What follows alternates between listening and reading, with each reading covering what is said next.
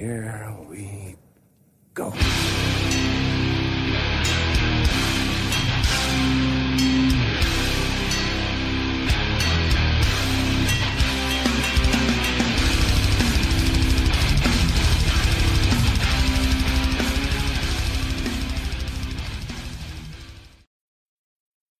Du lyssnar på Nere på Noll, en podcast om hardcore och eh, vi sitter här i NBS lokaler i Örebro som vanligt. Jag, är Robin Lindblad och med mig har jag Danne Nätterdal Hej hej. och David Olsson. Ni är alltid lika Tjena. entusiastiska när jag på er. Det är fantastiskt. Eh, Det är bäst nu när det är säsong två. Precis, vi har tagit oss in i 2015 och eh, vi har väl tänkt att börja med en smäll. Eh, med mycket ga- gamla goa band som vi ska snacka om här idag. Eh, men först så tänkte jag kolla hur fan läget är med er. Jo, för fan. Det är lugnt. Jag hade ju en eh, total jävla stresschock där när jag skulle genomföra den omöjliga ekvationen jobba till fem, hämta på dagis klockan fem och börja podda klockan fem. Oh. Och jag gick jättesnabbt från jobbet hit. Det är Ilans problem här hör jag deluxe. ja, ja. Alltså, tack Lage. Men eh, vad fan, vi, eh, vi drar väl igång. Hur är det med dig? Med mig är det bra. Jag ska försöka att inte hosta det här avsnittet. Det är väl typ min mission. Men annars är jag jävligt peppad på det vi ska snacka om idag. Eh, Det blir mycket skön nostalgi. Eh, Ja, jag tror det, det är ju få avsnitt där du har varit så här laddad i, inför alltså, som, som idag. Problemet är att jag är laddad, jag börjar lyssna på massa band, så kommer jag hit och så berättar ni för mig hur det egentligen ligger till med dem. Att de är både sympatiserar med det ena och det andra och nu kan jag aldrig mer lyssna på dem. Du, du berättar den först. Ja. Ja, droppa det här nu då. Eh, bakgrundshistorien är väl så här att jag kommer hit och är jättepeppad att lyssna på Liberator hela dagen. Eh, eftersom vi idag ska snacka om skatepunk och ska.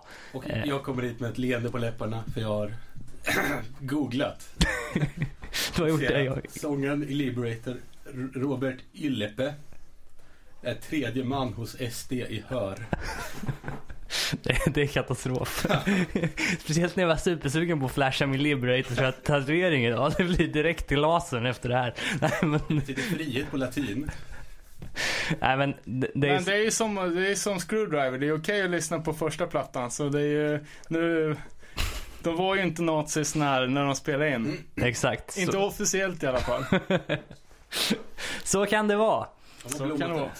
Något annat som inte har varit sen sist, det är ju mängden feedback vi har fått in. Vi har fått lite sköna kommentarer men det har inte varit så mycket nuggets som det brukar vara. Så att vi riktar väl en uppmaning till alla er som lyssnar att har ni reaktioner, åsikter, tankar och, och sånt om avsnittet så skriv till oss på Facebook. Ja, ja, Rätta oss för fan. Vi vet att vi säger fel jämt. det var, ja men man måste ju få lite, lite feedback här. Det känns ibland som vi sitter och pratar för oss själva. Eh, Så det är jävligt uppskattat om folk tar, tar sig tid och skriva, skriva något. Det är alltid kul. Precis, eller tips, tips och idéer på vad ni vill att vi ska snacka om. Fan, nu låter vi nästan lite, Lite bit- osköna. Bittra. Nej, vad fan. Men eh, ja, vi, vi studsar vidare då till eh, vad som har hänt sen vi såg sist. Vad har hänt i år? Ja, exakt. Eh, och det som vi tog in till fullo innan vi gick in här idag var ju Nastys nya video till låten Shuka heter den väl? Eller? Ja, kanske det. Det står något i den stilen. Jag försökte googla det, vad det betydde, men Det är någon gettoslang som inte vi... det kom, upp, det kom upp någon typ av bil. Typ trimmad BMW with tjuka. Okej. Ja, men det är ju rätt. Det är väl en del bilar i den, den videon också. Är det Eh, sant? Ja, alltså hela den här, ja, de som inte har sett videon, det är ju väldigt mycket eh, ja, men det här bling-bling eh, med va- vapen och pengar och dyra bilar och sånt. Eh, och känner man Nasty och vet deras texter så är, är ju de ett antimaterialistiskt band. Så man, alltså det är ju softare att ha sådana attribut i en video om man är lite iron, eller så här, om man är anti. mm. än att eh, flasha med grejer som annars lätt skulle kunna hänt i en beatdown-video. Eh, men jag tyckte, jag tyckte lå- låten var svinbra. Lå- Låter ju mer intressant än det, det, det senare de har släppt. Och, Tyckte fan också det. Jag har alltid tyckt att det varit lite väl ofta. ja. Typ det, det bara tjuggas på. Där var det en liten nyans i alla fall. Jo, men de mixar ju upp det. Alltså det är inga klassiska beatdown breakdowns direkt utan de gör ju det känns som att de har gått framåt i och med den här låten. Ja, han är ju för jävla bra på att sjunga. Jag tycker han har ju så brutal röst och sen att han är, man ser dem live, ser så oansträngd ut. Mm. Och har det där jävla pisket. Eh, Men för att återgå till videon så kände man fick väl lite så här är det skämskudden upp nu när ehm, de har ju en, eh, vad heter frihetsgudinna, är det så? Nej? Det är den som är på Metallica-skivan. Ja men Så. precis, det är kanske, jag tänker Lady Justice liksom. Mm. Eh, I form av en kroppsmålad naken tjej som går ner och suger av honom där. Och då känns det liksom, oj vad fan, vad är det som är på gång nu? Mm. Men jag tror att eh, i, i sitt sammanhang så tror jag att det kan vara, eh, inte fan vet jag, li, eh, lite befogat i alla fall. Jo, det alltså. Texten till låten stod ju längst ner. Läste ni den? Nej? Ja, men då, det var ju som du sa. Ja, pengar styr världen. Ja. Jo men exakt, men det, det var det jag tyckte, det var det jag reagerade på att det i sin kontext var bra. Men sen när de började klippa in framåt slutet real time klipp på överfall och mord och, eh, och grejer liksom. Det kändes som att det kom från ingenstans och, och hör, hörde inte dit riktigt. Vågar man gissa att det här kommer gå långt över huvudena på tyska 14-åriga bitna killar? ja, de kommer flasha ännu mer med sina cool eh? guld, pla, plastguldkedjor. Super cool. Ja, jag, tror, jag, jag tror den här kroppsmålade Lady Justice-figuren eh, jag, var, jag var lite känslig för det, för vi har precis, typ dagen innan, råkat se en Heaven Shall Burn-video. Mm. Som vad heter? Hunters Become the Hunted kanske. Hunters will be hunted. Ja. Eh, och där alltså, jag skulle ha betalat bra många D-mark för att se vad fan som gick, försiggick i det, i det manusmötet alltså. Eh, jag var på väg att lägga upp den här videon för kommentarer på, i våran Facebook-feed men det fanns ingen utan reklam så, så jag pallade inte och, och eh, skicka på massa, på massa reklam. Men det är ju något som har gått fel i Tyskland alltså. Det, kan ni kolla upp videon och skaffa er en uppfattning. Eh, Fett. ganska coolt band dock. Eh, en annan Vad tycker grej. ni om omslaget på nya Nasty? Jag har inte sett det. Det var ju slutet. Den Ja, mycket för... Jo, men det, det var mycket som var i slutet kan jag säga. Klippet, låten var två minuter lång men klippet var 4.50. Det var eh, två och en halv minut reklam i slutet. liksom. Ja, Det ja. fanns ungefär 20 pre-order-paket att välja på det jag kollade. Mm. En fick man med en skateboard. Fan, det är next level shit alltså. Ja, spontan reaktion jag hade var som vanligt mängden brylkräm i trummisens frilla. Eh, men eh, annars inte mycket mer. Det var en bra låt som sagt. Eh, sen vidare så har vi en hel del nya släpp som kom ut på Spotify idag faktiskt. Jag har spenderat dagen med att lyssna på nya Turnstyle. Ja, den kom upp idag alltså. Ja, jag fick för mig det i alla fall. Jag har inte sett den innan. Nej, inte jag Eh. heller. Ja, det är lite kul för där har ju verkligen eh, feedbacken varit från eh, 10 av 10 och det sämsta jag hört. eh, jag är lite ambivalent i mina åsikter där. Jag tycker, jag tycker det, det, det svänger. Jag vet inte, men jag är ändå inte, jag är inte så här överdrivet eh, brydd. Men det är absolut inte dåligt. Jag tycker, Nej. Jag tyckte det var jävligt bra. Ja. Ja, nästan. Reservation, lyssnat en eftermiddag på jobbet. ja, men Ja, exakt. Nästan lite originellt liksom att eh, de fortsätter ju på samma spår men de gör ju, de gör ju en del häftiga grejer liksom. Ja, ja det, låter, det låter mer Angel Dust nu än förut tycker Mm. jag. Eh, på, på gott och ont. Men äh, det kan nog bli bra. Man får lyssna in sig lite. Verkligen. Och en P3-hit kanske. Ja, det är inte, inte helt omöjligt alltså. Eh, Sen såg jag även på Spotify med att det- en ny Raised Fist-platta låg ute som de stod headline banner där. Eh, och det är ju enligt dem själva det jävla bästa som har hänt. Eh, och det, jag tror det är release på den här till slutet av, av veckan. Men de har lagt upp den på Spotify redan nu. Lyssnar du? Uh, nej, det, jo det gjorde jag visst. Det Det var jävligt konstig produktion faktiskt. Eh, mhm. det låter lite så klassiskt Raised Fist-ljud fast mer av det som är lite udda för Raised Fist-produktionen. Var det någon Gorilla Biscuit cover? Eh, inte vad jag har märkt hittills i alla fall. Skivan heter alltså From the North. Jävligt snyggt omslag där med, Med någon typ av, vad heter det, månförmörkelse över en svart himmel. Ja, Fan, jag har redan musik här. Är det den? ja jag, Ja, nu förstår ni vad jag menar med konstig Fist-produktion. ja, vi ska väl inte ge dem mer tid än så, men Jag kom även på att jag har en Raised Fist testpress på Ignoring the Guidelines som finns i 5x om någon är sugen på att trada mot något. Var det den du hittade en papperskorg? Ja, vad fan det var. eh, Burning Heart sparar inte sina testpressar utan skickar dem direkt till soptunnan. Eh, så jag har plockat upp den där och eh, har haft den i hyllan sedan dess.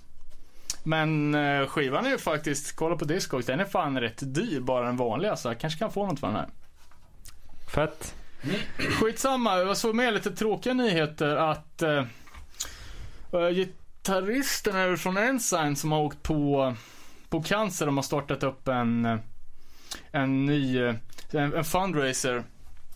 Och det är faktiskt den andra fundraisern för cancersjuka amerikaner jag ser den här veckan. Och då tänker man ju direkt på hur, vilket jävla sjukt land det är att Ja, det enda landet typ i, i västvärlden eller kanske i hela världen där där det inte, ja det är upp till var och en att finansiera sin egen Jag trodde du skulle Sjukvård. säga andra aktionen i veckan för cancersjuka Ensign-medlemmar. Ja, det hade varit. Eh, och vad, om man går in på bandet så att jag eh, kom på att det är nog ett eh, jävligt bortglömt band. Jag har inte tänkt på dem på bra länge. Eh, och jag såg att Robin, när du skrev vår agenda så skrev du Ensign med, med Z, så jag utgår från att du inte heller har hört dem. Nej. Eh, Men de här var ju pissstora. Eh, Kanske ett av de största banden där slutet på, på 90-talet. Och eh, de körde väl, kan man säga att de var, inte först men eh, det här stuket som Champion gjorde populärt. Fast Mm. de var fem år innan Champion. Okej. Eh, och en annan grej som de var lite efter med var ju eh, på en av de sista sjuorna så hade de ju samma dödskalle som Blood for Blood redan hade använt och gjorde till, till sin. Eh, och det här var ju någon, den här skallen som Blood for Blood har med tåren har ju en sign utan tår. Det är den enda skillnaden. Eh, och det här var ju någon, någon grej som fanns att ladda ner i någon tidig, typ det första clipart till Word eller någonting. som båda de Är, här, är det sant? ja. Eh, som båda de här banden gjorde till loggor. Och Blood for Blood-loggan har ju blivit en superklassiker medan Ensign-loggan har väl Fejdat ut. glömts bort lite. Clipart-bilden. Ja, jag vet inte. Är, finns väl något, något jävla arkiv någonstans här. Ja, eh, Undrar om han som gjorde clipart-bilden går runt och ser tatueringen. Fan alltså. Ja, det gick Fan, bra. folk mig. diggar det. Ja, jag vet fan, det finns en tatuerare här i stan som har den där jäveln på näven och jag tror inte han har hört varken Blood for Blood eller Ensign.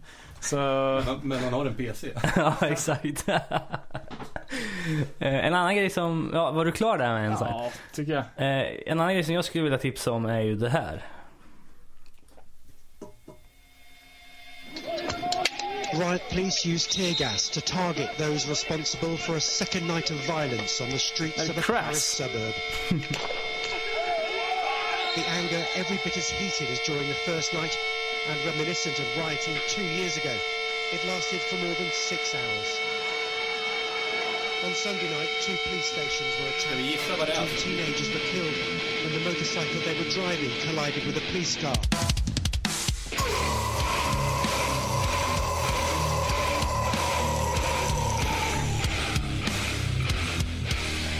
Det här är ju då alltså bandet Ultim Hate från Rennes i Frankrike. Helvete vilket dåligt banna. ja, verkligen. Men eh, det är alltså så här att de har släppt sin nya platta. Give Us The Worst heter den och den finns ute på Spotify nu. Eh, jag fick tipset av Olle eh, tidigare idag faktiskt. Eh, grejen är ju att jag har lyssnat på Har de släppt någon tidigare skiva? Ja, de har släppt på Bandcamp en eh, MCD tror jag. Eh, men det är folk från det andra bandet eh, från samma stad, eh, War Injury, som, som man kanske har hört. Ehm, men eh, ja, det här är ju stenhård liksom fransk blandat med engelska eh, texter ehm, och beatdown. Eh, och den här plattan är jävligt lovande för att tillsammans med Turnstyle så kan det nog bli de här två plattorna som jag rullar i min min, mina öron de kommande veckorna. Ja, jag lyssnade på det. Jag tyckte också det var jävligt bra. Vad kom de? Paris eller? Ja, nej, de kommer från västra Frankrike, eh, Rennes. Eh, det är alltså på, på eh, västkusten. Eh, vi, var ju, vi har ju varit där och spelat eh, och då har vi spelat nu senast med War Injury men 2012 med Ultimate då. Eh, och det är fett för det här släppet känns från deras håll som att det är mycket bättre kvalitet på liksom än, än tidigare och det ja, fet, fett som fan. Jag har ju bara lyssnat på skivan en gång men jag tycker det är Fan bra. Bra det lär inte komma något nytt från Kickback på ett tag nu. Det är 25 år, minst. Ja. Eh, nej men ett tips i alla fall. Finns på Spotify nu. Sen så eh, har vi lite nytt från Fury of Five också. Ja, just det. Ja, Mm. spännande. Mm. Eh, det, det låter ju som, som, som, som man förväntar sig. Ja, de har släppt en låt från kommande release. Ja, de har väl inte sagt att det ska bli någonting, men i och med att de spelar ganska flitigt nu så, så antar man väl att de kommer komma med något nytt. Visst är Eh. det ett helt nytt band då? Det vet jag faktiskt inte. Tyckte det stod det. Men Ja, det är möjligt. Mm, nej, eh, spännande i alla fall. Finns att lyssna på på, på, på deras bandcamp antar jag. Men eh, alltså det är ju, man behöver ju ha lite den här peppen från 90-talet i, i sig för att kunna uppskatta det. Jag tror det eh, man, behöver, man behöver ha lyssnat på Fury 5 förut för att kunna förstå det liksom. Eh, för det är ju, det är ju väl, det är ganska over the top med, med sångstilen som går mellan ja, men typ flowy rap till skön sång till eh, liksom övertoner och eh, ja, det är ju så, sån jävla superattityd. Kommer ihåg någon gammal, det var väl close-up recension här för mig på uh, This time it's personal. Uh, där det stod någonting i stil med att ja, ja, nu är Furo 5 jävligt coola, men om 20 år när deras anabola har gett dem bitch tits och deras tatueringar har flytit ut till blågröna blaffer, då är de inte så jävla coola längre. Men, eh, jag vet fan. Det är ju fett. Grymt bra band. Eh, Jag tror att den här skivan kommer också bli jävligt nice. de Mm. spelar väl snart i, nära oss. Ja. Eh, ja, det är februari där, så det är dags att boka någon typ av biljett känner jag tidigt. Verkligen. Sen såg jag även en liten inofficiell eh, outning av nytt Integrity, eller nytt, det är väl aldrig något nytt från Integrity, men eh, reissues på Humanity's the Devil. Mm. Det var ju skivsamlarguden eh, Niklas Holm som hade lagt upp en komplett samling av alla versioner på Humanity's the Devil. Eh, och då var det ju kommentarer på att den här borde ju återsläppas. Eh, och eh, Fan, ett Organized Crime Records har ju sagt att de ska släppa alla alla de här Victory-plattorna. Att de ska göra reissues på den. Och den förra plattan, Systems Overload, kom ju i, i en remixad version också. Eh, och nu outar ju Organized Crime att det kommer komma en remixversion på Humanity's the Devil och en, en reissue då. Mm. Eh, och för remixen kommer Joel Grinds då. Eh, och jag kollade, kollade upp det här och han eh, eh, spelar bandet Toxic Holocaust. Ja, okej. Eh, som jag trodde var något sånt, ett av de här jävla party trash banden. Men det var ju ganska bra rens. Så det kanske, det kan nog bli en cool, Men cool remix. du som har Integrity samling, är originalet, är det så jävla dyrt?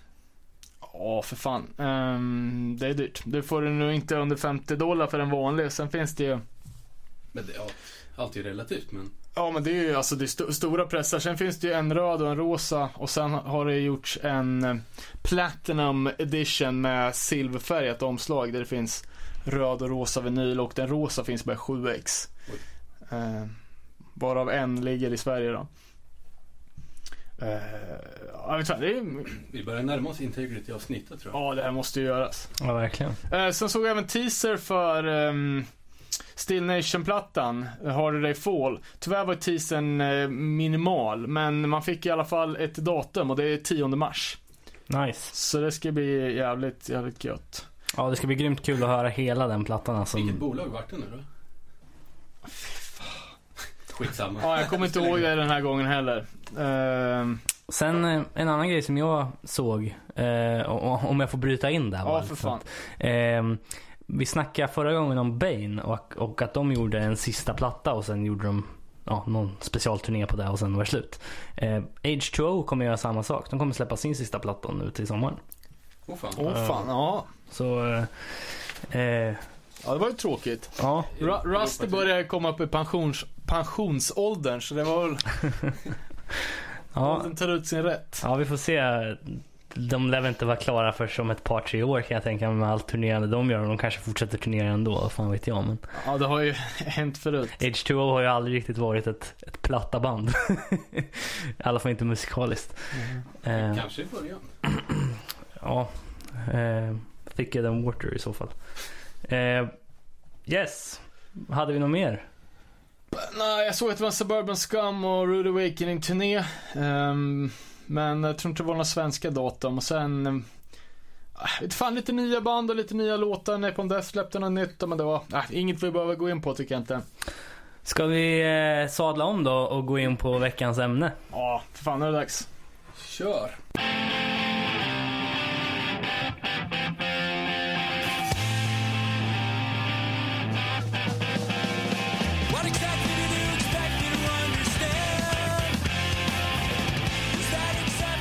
Precis, eh, vi ska prata om lite skate och ska-punk idag är tanken. Eh, och vi kommer väl försöka avgränsa oss ifrån de här eh, klassiska banden som eh, Ja, eh, har legat på. Vi kommer inte försöka snacka så mycket om Burning Heart-banden utan vi kommer mer prata om skatepunkens ursprung, influenserna från ska, eh, de band som har betytt extra mycket för oss och sen så framöver så kanske vi gör ett specialavsnitt om just Burning Heart-eran och sådär. Eh, Kanske.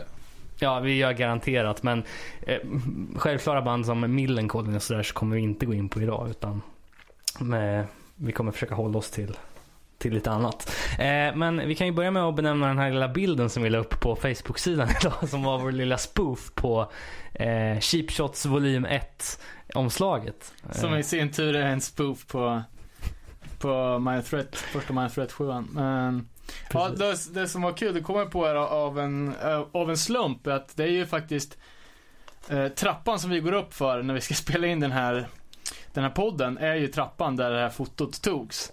Eh, så det är ju sluta cirkeln fullständigt att snacka skatepunk i Ja, i samma lokal som det här fotot togs och så vidare. Verkligen. Du och jag sträcker på oss kan vi nästan se där det hände. Ja, Tives skugga ligger fortfarande lite, lite lätt på väggen där. Bowlingklotet ligger inte ens stilla.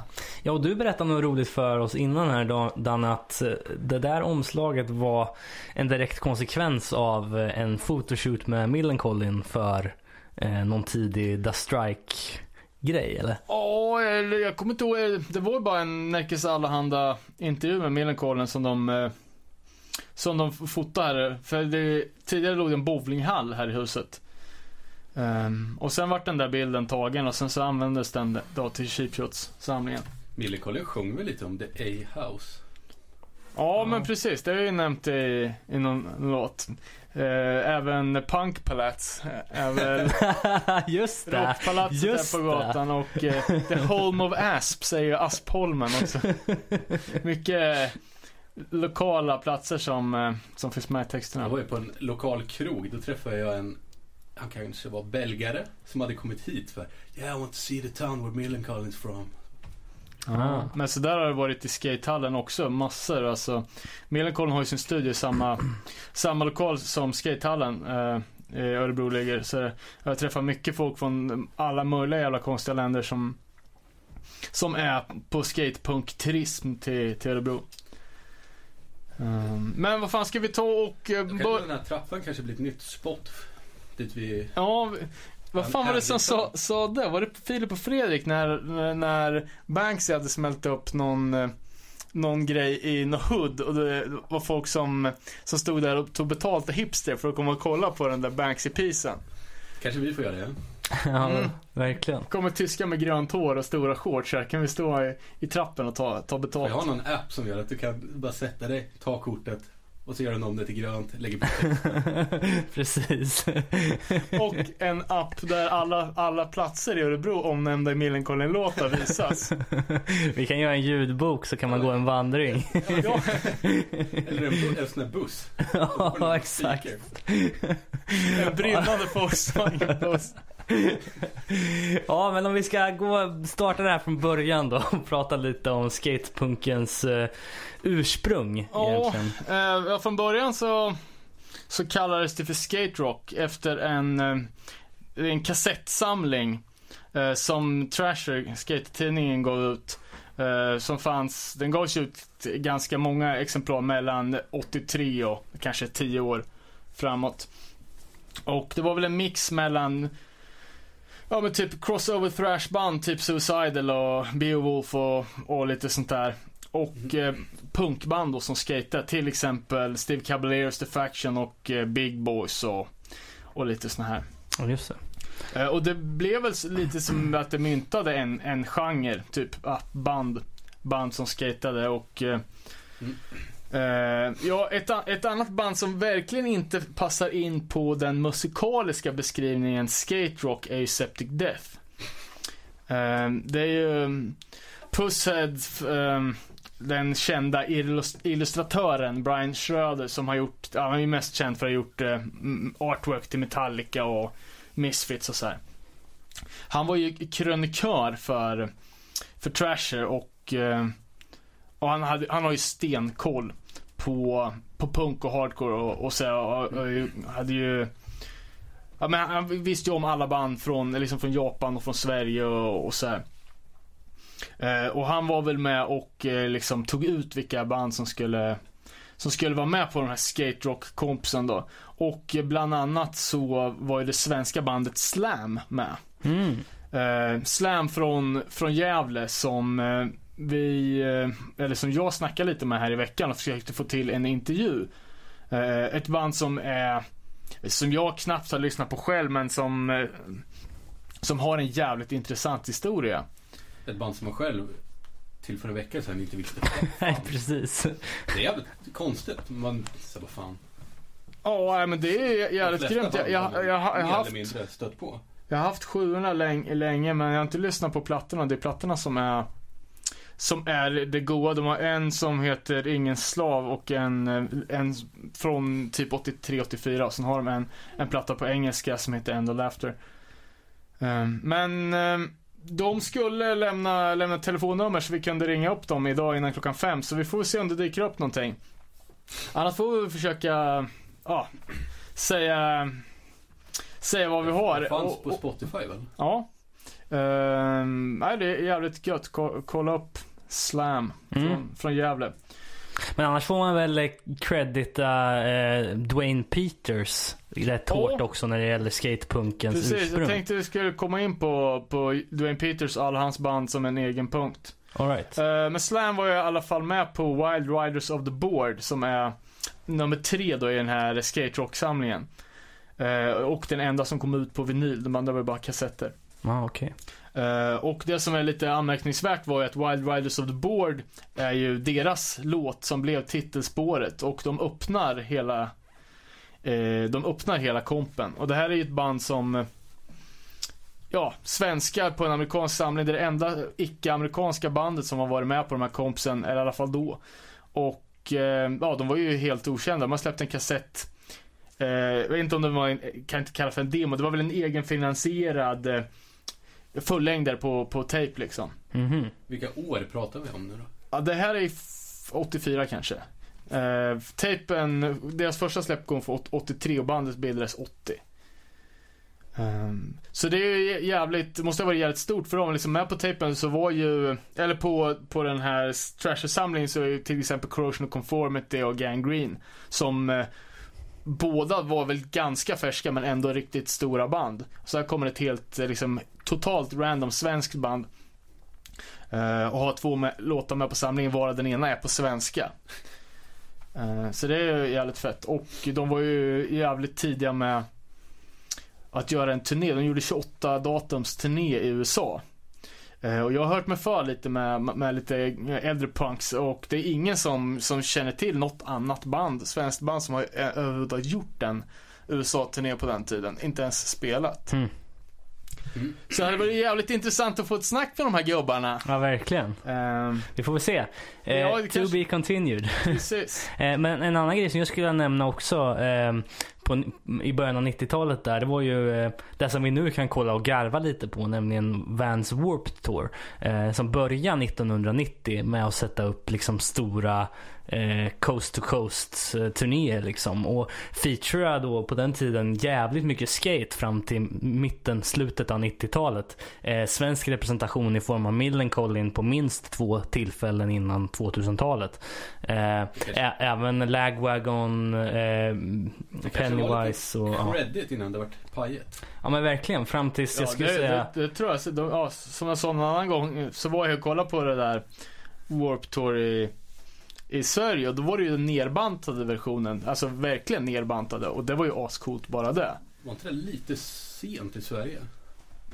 Nu går vi i händelserna i förväg jag. Ja, det var, ja, ja, just den grejen var ju på slutet på 90-talet. Men Och sen tycker jag som, som svensk också så blev man extra eh, inte utsatt, det är fel ord, det låter negativt, men exponerad eh, för skatepunken i och med då både Burning Heart men också den här vågen av svensk, jag ska inte säga bajspunk, men trallpunk liksom som i mångt och mycket har jävligt mycket gemensamt med skatepunken. Eh, Vi, vi, vi har ju på något sätt fått för oss att termen skatepunk är något svenskt. ja, eh, fa- Om faktum. det gick från skaterock på Ja, men, ja, men tidigt 80, sen började man prata skatepunk helt plötsligt. Eh, ja, vad jag fattar det som så är ju eh, så hette det ju, det hette skate rock och termen skatepunk uppfanns ju, eller liksom myntades ju inte förrän förrän Millencolin, alltså då snackar vi kanske 94 då när de breakade liksom. Ehm, det är inte 100% eh, fastställt att det var just Millencolin men de var ju det största bandet i, i den vågen.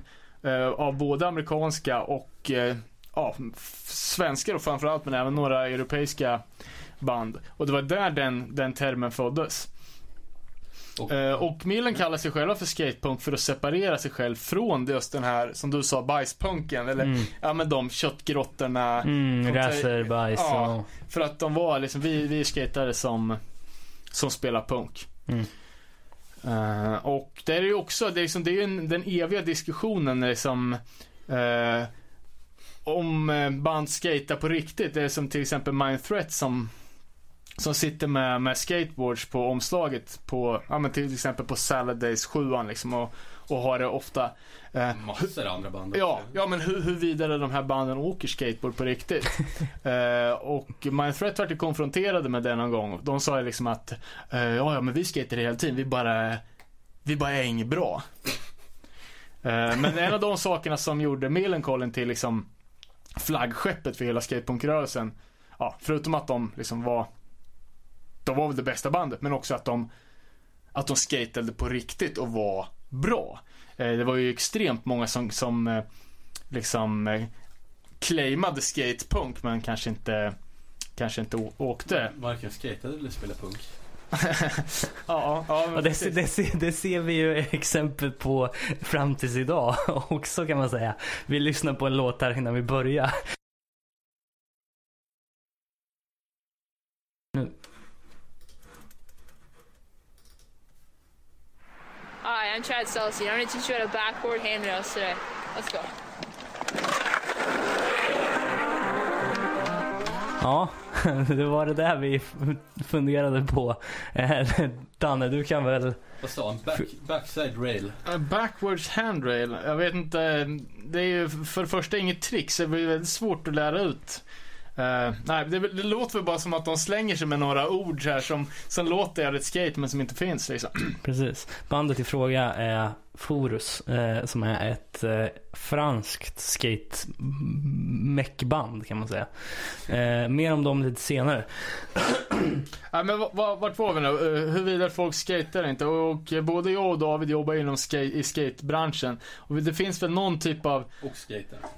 uh, underförstådd eh, industristandard liksom för, för att få kalla sig liksom, ja det är många som jobbar i branschen som säger att de skater men de egentligen inte skater. Eh, och då är ju, kan man göra en 360 flip då är, då är man okej liksom, det är industristandard. Ehm, och ja, jag vet inte vad, det är, det är många som eh, som, som, som claimar att de är skaters och det, ryktet går ju att eh, till exempel Satanic Surfers inte, inte har stått på någon bräda fast alla deras låtar handlar om att skata, surfa och onanera. Och om man då vet att de inte skater och chansen att de surfar är inte jättestor så då finns det inte så mycket kvar av deras texter. Ch- Chansen att de onanerar. Det är kanske desto större. 100%. Ja, men eh, om vi ska ta in det här på 90-talet då, David. Ja, det känns ju som att eh, skatepunk var ju fan den mitten av 90-talet, det var det. Alla var inne på det.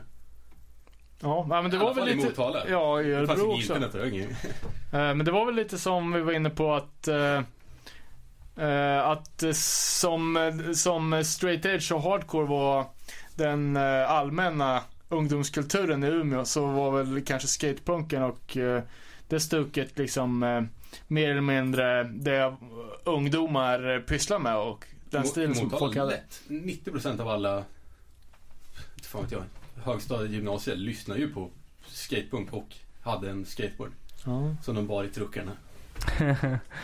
Ja, alltså, eh, jag är ju uppväxt lite utanför Örebro, men där var det fan också, även fast det var en håla på 3000 pers så kommer jag så jävla väl ihåg när jag fick eh, en, kass, en kassett överspelad i femte klass med Cheap Shots 2. Och fan, han som gjorde det åt mig, han, han är kung. För det, var ju, det är fortfarande det bästa som har gjorts nästan. Cheap Shots 2 är också anledningen till att jag lyssnar på hardcore idag. Ja, det är samma här kan jag säga. Fan, ja. Det var där det började. Ja, jag, jag tänkte på Den innan innan det här att eh, jag skulle vilja säga att Millencolin är våran generations viktigaste band. Ehm, det känns som att det är så jävla mycket som, eh, Ja, det var ju ja men som, man, som har kommit in på, man har fått, fått in en liksom på, på saker som, eh, som man pysslar med fortfarande. Mm. skillnaden. De alla som lyssnar på det har ju slutat. Förutom vi. Ja men de, ja, vi som sitter här, typ, ja. Ja men det, det är sant men eh, Just, just det här med att, eh, ja, fan, jag var ju liksom ett, eh, ett metalhead som gillar punk och åkte skateboard. Men sen med Millencolin så att man förenar liksom, ja men he, hela, alla ens intressen liksom flöt samman till, till ett. Ja, och jag, Li- Life on a plate överspelat på kassett. Gick med en jävla Walkman runt vårat kvarter hemma. Bara lyssnar om och om igen. Ja, här verkligen. Jag håller helt med och det är så sjukt också för det är nästan lite eufori varje gång man träffar någon som minns. Eh, alltså, jag var inne på Burning Heart Records i Örebro några, några få gånger. Eh, men deras, deras eh, sidoingång med någon slags baklager där man kunde gå ner och köpa skivor för presspris ungefär. Eh, jag kommer ihåg att jag gick in dit typ själv. Och så Var det lite skraj? Ja, stack ner näven i random i några lådor för liksom, jag kan inte gå ut härifrån utan att köpa någonting. Och det jag får upp är ju då Satanic Surfers Going Nowhere Fast, eh, No Fun at All, eh, ja fan den nu heter, Master Celebrator heter väl den skivan. Eh, Out of bound. ja precis. Eh, och eh, 59, End of the Millennium. Så att det var ju en gedigen hög att börja med där liksom. Även fast man hade lyssnat på Jag fattade aldrig att Millencolin var från Örebro i början.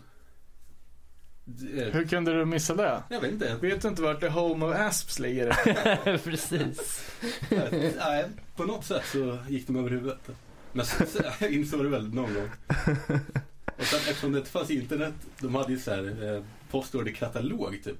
Ja, Burning Heart-katalogen. Det var fan, då var det ju högtidsdag när den kom. Farsans jobb att faxa in beställningar. Men ni, ni som var med alltså på 90-talet och Ja, ni, jag var ju ett par, ett par ja, bo, år äldre och tidigare inne på, på den svängen. Så jag är ju säkert den som satt där vid Burning Heart-faxen och tog emot dina, dina infaxade ordrar. Kan det nog vara. Men hur var liksom... Ja, Eh, jag har faktiskt kvar alla de, eller alla, de jag hade, de eh, postorderkatalogerna hemma. Jävligt tunt och fint papper. Ja, ja fan man skulle ha haft eh, lite mer plats som man hade kunnat sparat alla sina såna här gamla grejer. Men det är jävligt kul alltså. allt gammalt Ebay Gold som jag har fått guld för nu. Eh, Nej men jag undrar lite hur, hur scenen var på den tiden, liksom på 90-talet. Om, om du nu gick på spelningar här i, i trakterna, liksom om det var. Eh, för jag minns att du har berättat för mig någon gång om att det var liksom 300-400 pers på, på något sketet No Fun and All-gig liksom. Ja, ja, det var inga konstigheter. Eh, Jag vet, något gig, då tyckte man själv att det var mycket, mycket folk, men då var det 750 pers. Fy fan. Eh, och ja, 300 var ju inga, inga konstigheter liksom. Eh, och då, så, mm, nu känns det som att det var spelningar hela tiden, men det är ju bara för att man bara kommer ihåg de höjdpunkterna liksom. Sen det, tiden däremellan flyter väl ihop lite, men Mm. nej, det var ju jävligt, det var ju mycket. Mycket av, av allt liksom, och den varan. Ska vi prata om, om hur man såg ut på den tiden? Ja just det, det var ju lite lite speciellt mode associerat med den här eh, tiden också. Ja, fan, jag, jag har också noterat det. Ska vi ta och droppa en, en, en, mod, eller en så här klädmodegrej var för att se vad, vad vi har. Om vi känner igen oss. Jättestora shorts. Ja, ja det, så, det såg Ju vi större desto i bättre. den här bodyar-videon att shortsen var ju så långa så att de ser ut som de Dickies-brallorna som eh, hipsterskaten har idag. Alternativt de jeansen som eh, skaterna hade typ 91 liksom. Just det. Jag skulle säga pärlhalsband är ju en Ja. klassiker. Eller träpärle. Ja, precis. Eh, eller eh, innan Warp blev Warp när det hette G-spot. Jag vet inte om det hette där bara i Örebro, men det fanns deras beiga t-shirtar med vit text som var Wii var det då. klassiker. Ja, ja exakt. Ja, G-spot blev weak. precis. Eh, Ja, eh, ögonbrynspiercing. Vad heter inte rastaflätor där som är lite tunnare? Ja, jag vet vad du menar. Tunnare rastaflätor. Ja, men om, om du är vit från Motala och inte kan ha Bob Marley-flätor direkt. Cornrows. Nej, Cornrows. Ja, det hade fan alltså, ingen... tunna vita. Och det känns som att det var lika mycket till basket, basketkulturen och... Men inte corn, cornrows. Nej. Rastaflätor fast Ja, men dreadlocks. Dreadlocks. Ja, rastaflätor, inte dreadlocks. Ja, okej. Mm. O- Okej, co- coolaste tröjan. NoFX monstertröjan med det här stora Ja, ögat. klassiker. I grönt. Och skottskrutiga shorts. Var det inte något skämt på Burning Heart att ni gjorde så fula tröjor som möjligt och det sålde bara till Tyskland? Ja, ja men det, det kan man säga på, se på förhand. Om det var ett print som var riktigt dåligt. Eh, då var det med nästan 100% säkerhet en storsäljare i Tyskland. Alla så här, ja, med orangea med så här, heltäckande tryck och sånt. Men nu går man ju uteslutande i svarta och vita t-shirtar. Då var det ju inget konstigt att ha en lila eller en grön eller en... Nej. Nej, precis. Jag kommer ihåg min första Millencolin t-shirt var nog fan lila eller röd eller något där. Skulle man inte vara så kräsen med storlekarna, man fick ta det som fanns. Ja, t- tröjorna gjordes bara i large och XL. Ja, ja, för fan vad man måste ha sett ut på den tiden. Men du som har kränkt merch eh, åt Burning Heart.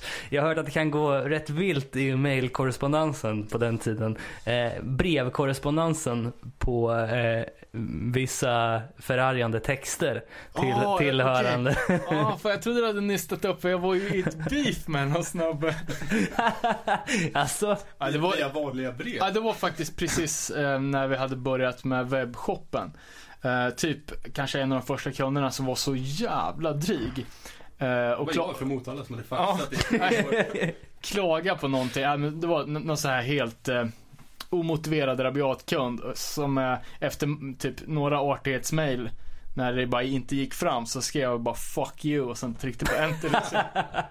Och då tog det hus i helvete, då ringdes det upp och det var fan Då kändes det som att, att stämningsansökan skulle Nej men du menade brevet? Ja, ja. det kom ju, kom ju ett brev till Burning Heart-kontoret en dag Från eh, någon, någon upprörd person här där det står att Mm. jag ser här att ni saluför en skiva med Satanic Surfers. Skivan har en bild på djävulen på omslaget och titeln är Hero of our time. Men ni ska veta att det finns en som är en mycket större hjälte och han heter Jesus. Så det där brevet det var inramat och åkte upp på väggen. Fantastiskt. Ja, det, det är sådana där små höjdpunkter som gör livet värt att leva. Svarades det på brevet? Jag kommer faktiskt inte ihåg, jag hoppas det. Kommer även ihåg att eh, någon, eh, någon jävla moralkaka hade skrivit in till close-up för att de hade använt en svordom i en rec- recension. Men vad Wow. Och då hade de tryckt på omslaget eh, någonting med att eh, för att hårdrock är den jävla, jävla, jävla, jävla, jävla, jävla bästa musiken. Fan, Var close-up lite ballt på den här tiden? Ja, Jag, vet, inte, jag har inte läst det för det ännu men Nej, nej, det är jag vet Noll intresse för det. Eh, det var väl i brist på, på annat kanske. Alltså, jag, jag tycker det ledare och sånt i close-up är ju det bästa hela tidningen. Sen är ju intervjuerna är ju mestadels skit. Eh, alla de här eh, banden som inte kan läsa namnet för att de är så jävla metal.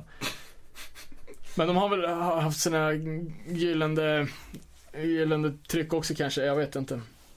En annan kul grej du och jag funderade lite på. Vi satt hemma och drack folköl och kollade på gamla skatepunk-videos här i fredags. Ja, Att varje band hade en, inom situationstecken, sport för sig. Ja, eh, precis. Och det känner man ju direkt som då i och med att Millencolin ju, eh, ja men körde med bowlingen och det här. Att nu var det ju upp till alla de andra eh, B-lags eh, sk- svenska skatepunkbanden och dra in en, en, en cool sport liksom.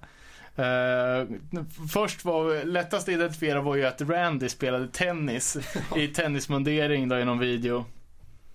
Vad hade vi mer? Eh, Jag tror även att de är ute och joggar va? Med så här 70-tals joggingkläder. Uh, skanker. Du måste kasta pil eller något. Nej, de hade, ju, Dart. de hade ju golf. Ja, fan måste finnas hur, många, hur många sådana där som helst. Badminton känns som någon Det, skulle det känns no fun at all. På något sätt. Ja, precis. ja, Sen hade ju 59 hockey, men det känns lite mer genuint. Ja. Ja, ja det, var ju, det, var ju, det var ju mycket. Och jag vet, inte, Teddy Bears hade ju, eh, jag tror att de, jag, inte synkroniserad simning, men att de, ehm, i skivomslaget så, så ligger de och simmar i en jävla simhall liksom i varsin bana ligger synkat. Så det var väl också någon Det låter ju sport. spontant alldeles för komplicerat. Bi- Biljard borde ju någon ha. Ja, det har ju någon garanterat. Puff, puffball kanske. Ja, eller boys. Ehm, Ehm, ja, fan det, det dök ju upp en eh, jävla uppsjö där av svenska skateband kanske, vad kan det vara, från 96 eller någonting. Det- Ja. vad, vad, har- vad, vad har vi? Vi, vi snackar ju om Stone från Karlstad. mhm. Som, det, som gjorde den här singeln Pizza Pete som eh, det är konstigt nog att man fortfarande kan sjunga typ hela låten om man skulle höra det. Ja men det är det som är, det är det som är grejen med skatepunk. Alltså det sätter sig i huvudet. Det var som när jag satt och skulle göra lite research på band som jag ville omnämna här i avsnittet innan. Och börja gräva mig tillbaks i arkiven och alltså sen hade klockan blivit halv ett och jag skulle upp klockan sex liksom. Ehm, Kick the bucket. Men Ja. jag, jag tror, jag tror nog ta fan att Stone är bättre nu. För alltså redan då så tyckte man att det var Alltså lite så här guilty pleasure lyssna på Stoned. Och då var man ju ändå ja, men 16 liksom. Men jag tycker faktiskt att det var ganska alltså, bra inom situationstecken. Jag vet inte om man är lite, man ser det ju som att Sverige var typ ledande inom den här genren. Ja det måste det vara ju. var det så jävla stort i USA som det var här? Nej men om man tänker de svenska banden som släppte på, men till exempel på Epitaph liksom. Eh, det känns som att det var en, en hel radda. mm. Liksom till och med riktiga jävla liksom eh, tredje, tredje lagret som Passage 4 släppte ju band på från Arboga. För släppte ju band på utländska skivbolag liksom. Mm. Eh, så jag tror att det måste ju ha varit, eh, Sverige måste ju ha varit Om det, om det kommer dit turister för att se Millencolins hemstad, då var det väl stort i Belgien, Ja. Holland, Ja, resten av Europa också antar jag. Precis. Eh, du har ju det gamla svenska bandet Adhesive också. Som, Är det så man säger? jag vet inte. Ad- adhesive, eh, eller? Har alltid Det är väl något så det klister va? Eller så kl- självhäftande? Ja men det var ju också lite åt skatehållet också. Ja, ja. Ja, ja. Eh, Men det finns ju hur många sådana band som helst. ja. Veneria, lyssnade du på dem? Jo, eh, jo för fan, de, de har jag hört. Det var faktiskt ett av mina favoritband. Fuck vad länge sedan jag hörde, hörde talas om dem. Ja, det, jag googlade upp det lite här nu och såg att Rodrigo från Ja, det är där jag har kommit in på dem kan jag säga. För, Eh, Och att de spelar fortfarande. va? Ja, de har ju släppt skivor nonstop. Jag, eh, de gjorde ju en, fan, he- typ första CD-singeln heter Hulla Baloo eller någonting. Sen gjorde de någon så här, Shake Your Booty.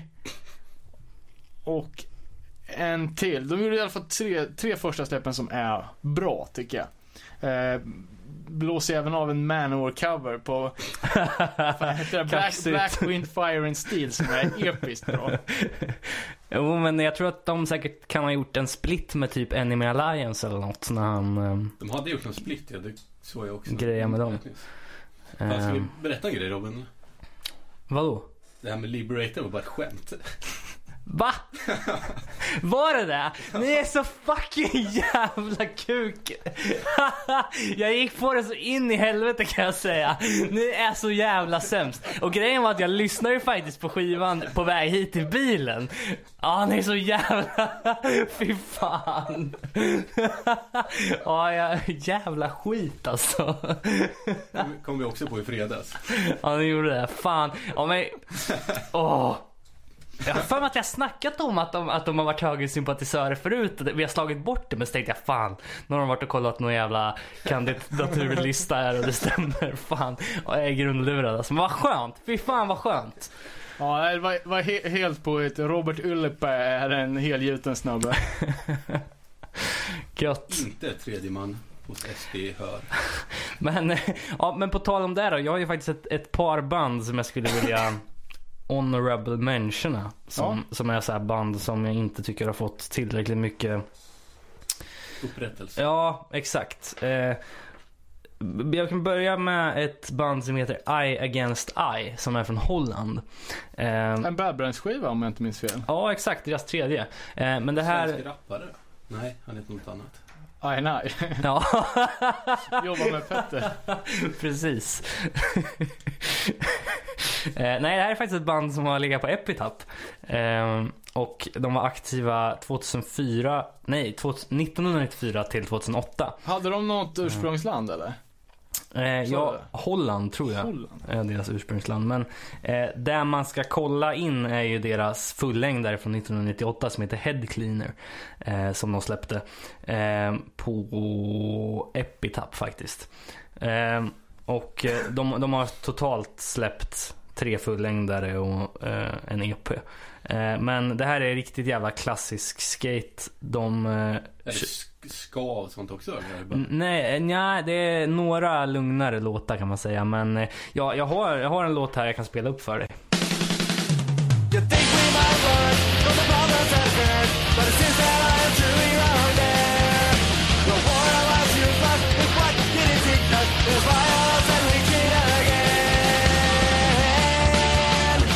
Nej, jag tycker det är svinfett. Speciellt när de har såna här partier också. They're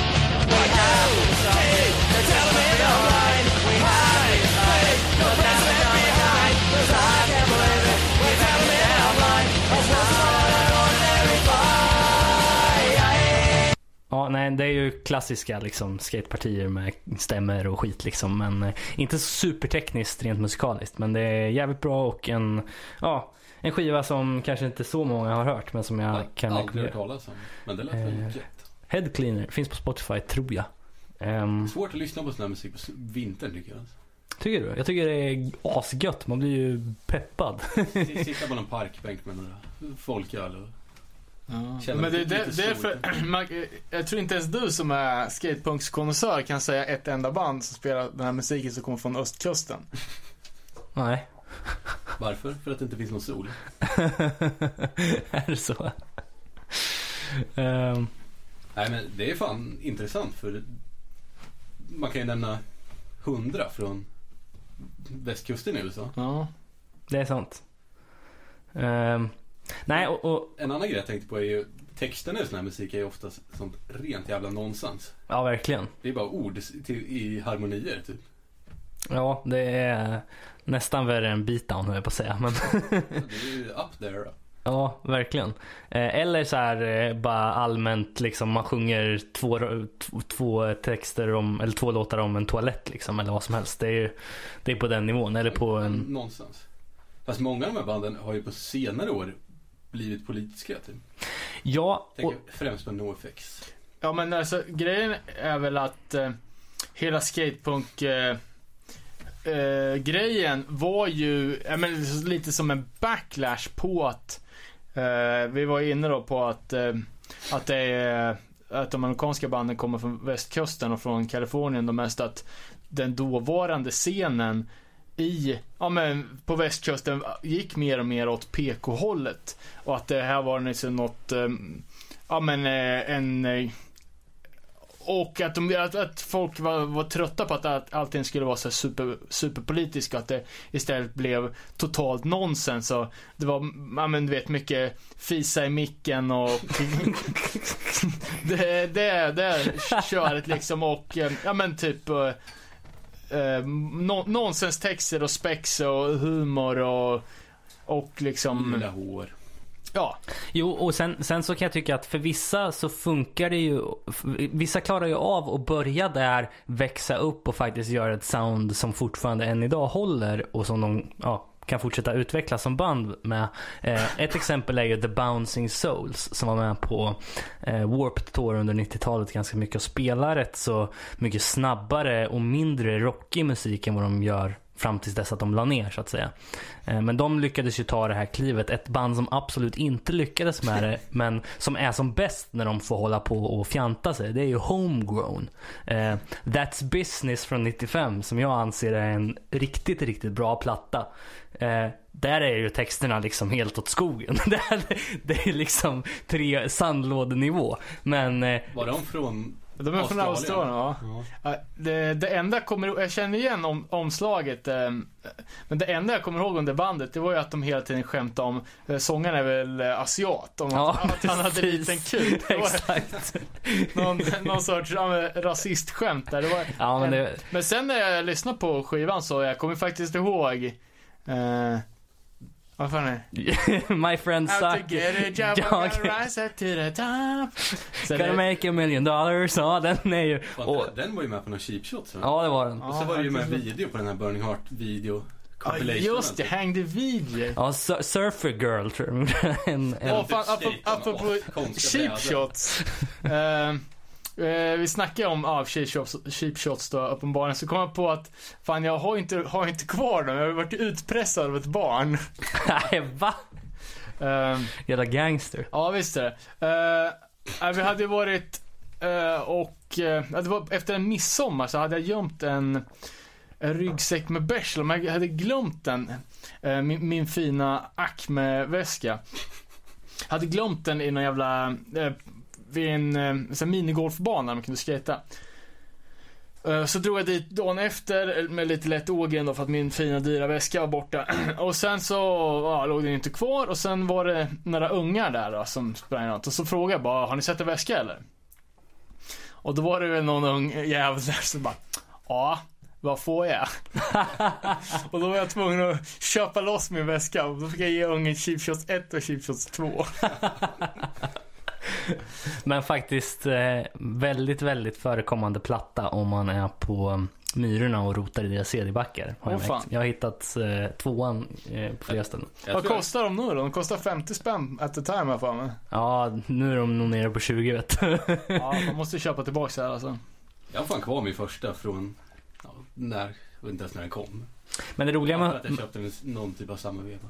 Om jag ska ko- koppla tillbaks till Homegrown då. De, de försökte göra efter den här That's Business-skivan. Det var ju att gå mot ett mer emo-håll. Där de spelade liksom emo-rock. Och det lyckades de inte alls med. Sen la de ju ner. Det enda, att, enda jag kommer ihåg med att de hade, deras omslag var extremt, det var ju så här 3D-gjort, eller hur? ja, ser, det, ut- ser ut som något så här 16-bitars spel typ. ja, Super- ja, det har väldiga klippart-vibbar också. Men eh, Mer såhär Nintendo 64 eller? Ja men ja precis, Någon kanske var det bandet. jag tänkte på. Gick någon an, 3D-kurs på gymnasiet. ja, precis. Lite den No At All-skivan med pingvinen är också jävligt udda. Ja, det, 3D. det är den faktiskt. Jag undrar vad fan som har gjort det. Det får man ju kolla på, på omslaget. Det är sjukt random. Jag, jag önskar mig den när jag, i någon typ av jul.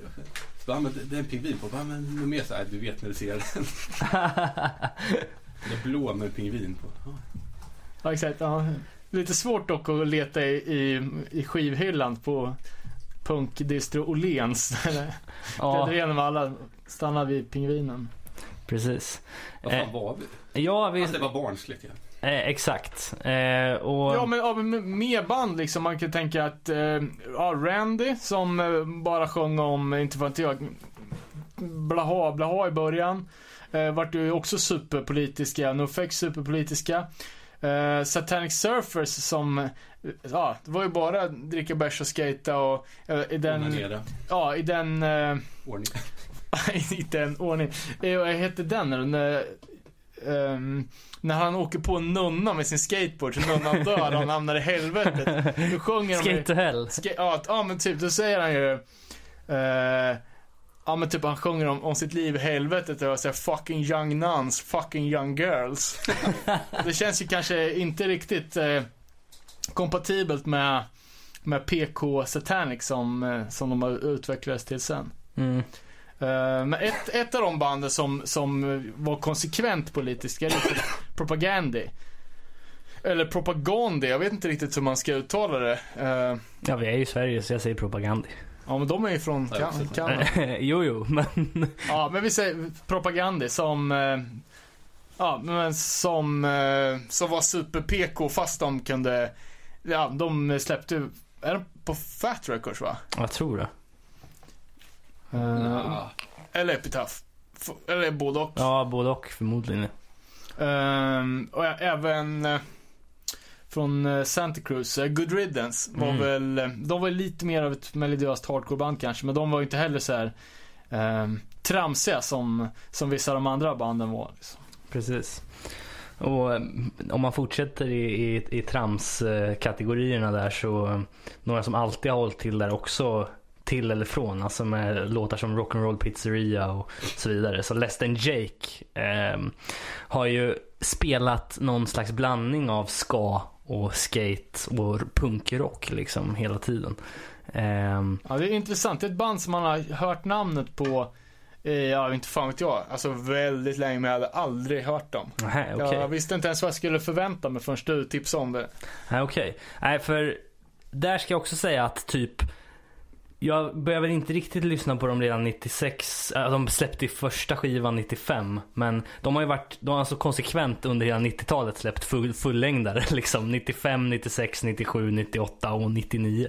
Ja, Eh, men de som man ska rikta in sig på tycker jag det är Losing Streak och ehm, Hello Rockview som är riktigt, riktigt bra. Sen år 2000 kom den som, som jag hörde första gången, Borders and Boundaries.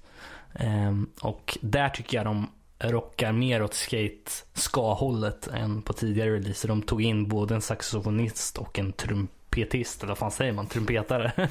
eh, och ja, eh, det är jävligt poppigt liksom. Men eh, Ja, det var jävligt, jävligt soft var det. ja, sjukt, sjukt kul, sjukt bra låtar. Eh, och de kommer faktiskt till Sverige nu under våren. Så det hoppas jag att jag kan ta mig upp till Stockholm och se på. Och om man ska snacka ska så måste man ju nämna eh, Operation Ivy som är ett av mina absoluta punkfavoritband. Eh, som eh, ja, mer eller mindre var först med och mixa in ska med, med punken. mm, Eh, Operation Ivy är väl kanske mest kända för att de senare eh, Matt och eh, Tim, eller Lint som han kallas, eh, bildade Rancid sen. mm, Eh, men Operation Ivy är från, också från, från västkusten, från PK-meckat Berkeley där. Eh, där de hade Kaliforniens, ja det var väl hjärtat i, i punkscenen där på Gilman Street som är verkligen ett legendariskt, jag tror det är, en gata och sen är det att klubben också heter Gilman Street. var väl också lite hjärtat i skatevärlden där. Ja men precis, det är väl eh, San Francisco Bay Area Thrasher. Eh, och det som gjorde den scenen lite unik var ju att på den tiden så eh, så var ju den övriga scenen i Los Angeles, eller där Kalifornien var ju, i Orange County, Los Angeles, så var det ju väldigt mycket gäng och mycket våld och jocks. Medan Bay Area-scenen var mer punk. Eh, och ja, men lite vänligare, mer unity och det var ju mycket eh, liksom det som eh, Operation Ivy predikade liksom eh, en enig punkscen och eh, och ja, Operation Ivy kommer ju in på från att Millencolin gjorde cover på det på, ja, på Knowledge på Scours miniscenen där. Eh, från, vad kan det vara, på 95 kanske? Nej. Skit, ah, skitsamma, det var, det var ganska tidigt där i alla fall. Eh, och ja, det är ju tusen, tusen band som jag tror alla, mer eller mindre alla eh, Operation Ivy-låtar har ju gjorts eh, cover på, jag vet inte, Green Day har ju, har ju spelat någon länge Jaha, och ja, de, de ja, det är ett jä- jävligt legendariskt band. Och, ja, och jag tyckte det där det var så jävla coolt också för när man börjar lyssna på skate under 90-talet och de här cheap shots-plattorna framförallt. Där kunde man ha en skiva där liksom eh, The Cigars kom. Sen kom Refused New Noise liksom. Det var Praise the Music först och sen var det New Noise liksom. Det var sån jävla kontrast men båda var ju bangers liksom rakt av. Ska Eh. ha hardcore och lite oj-punk där. Ja, Ja. precis. Och vill man... Ja, eh, men jag tror inte, jag tror inte den grejen skulle funka idag för att då var man, det fanns så jävla mycket mindre att välja på. Eh, nu har man liksom råd att nischa sig så jävla mycket. Mm. Om, eh, om man gillar en grej då öppnar man inte upp för, för så mycket. Nej, verkligen. Eh, och jag tänkte komma in på... Internet. Eh, men om vi ska fortsätta på Operation Ivy. Det känns som att vi eh, är lite ivriga att hoppa för, för mycket. Det känns som att vi har missat massor redan. Eh, men Operation Ivy spelar ju bara under två år. Eh, 87 till 89 som eh, eh, bandets historia nämns ju i en, en Rancid-låt. Eh, Journey to the end, end, vad fan heter det? Journey to the end kan vi säga att den heter. Som handlar om, om, om Operation Ivy och de släppte bara eh, totalt 32 låtar. Eh, en LP och sen en sjua som heter Hectic som är en jävla top notch punksingel. Eh, och eh, Operation Ivy blev lite modellen för, för en hel eh, genre av punk då som Lookout Records stod för. Massor med band som som liksom anammade stu, stuket. Eh, Så det finns en gedigen backkatalog där att kolla in ja, allt här. dock är ju Operation Ivy det absolut bästa.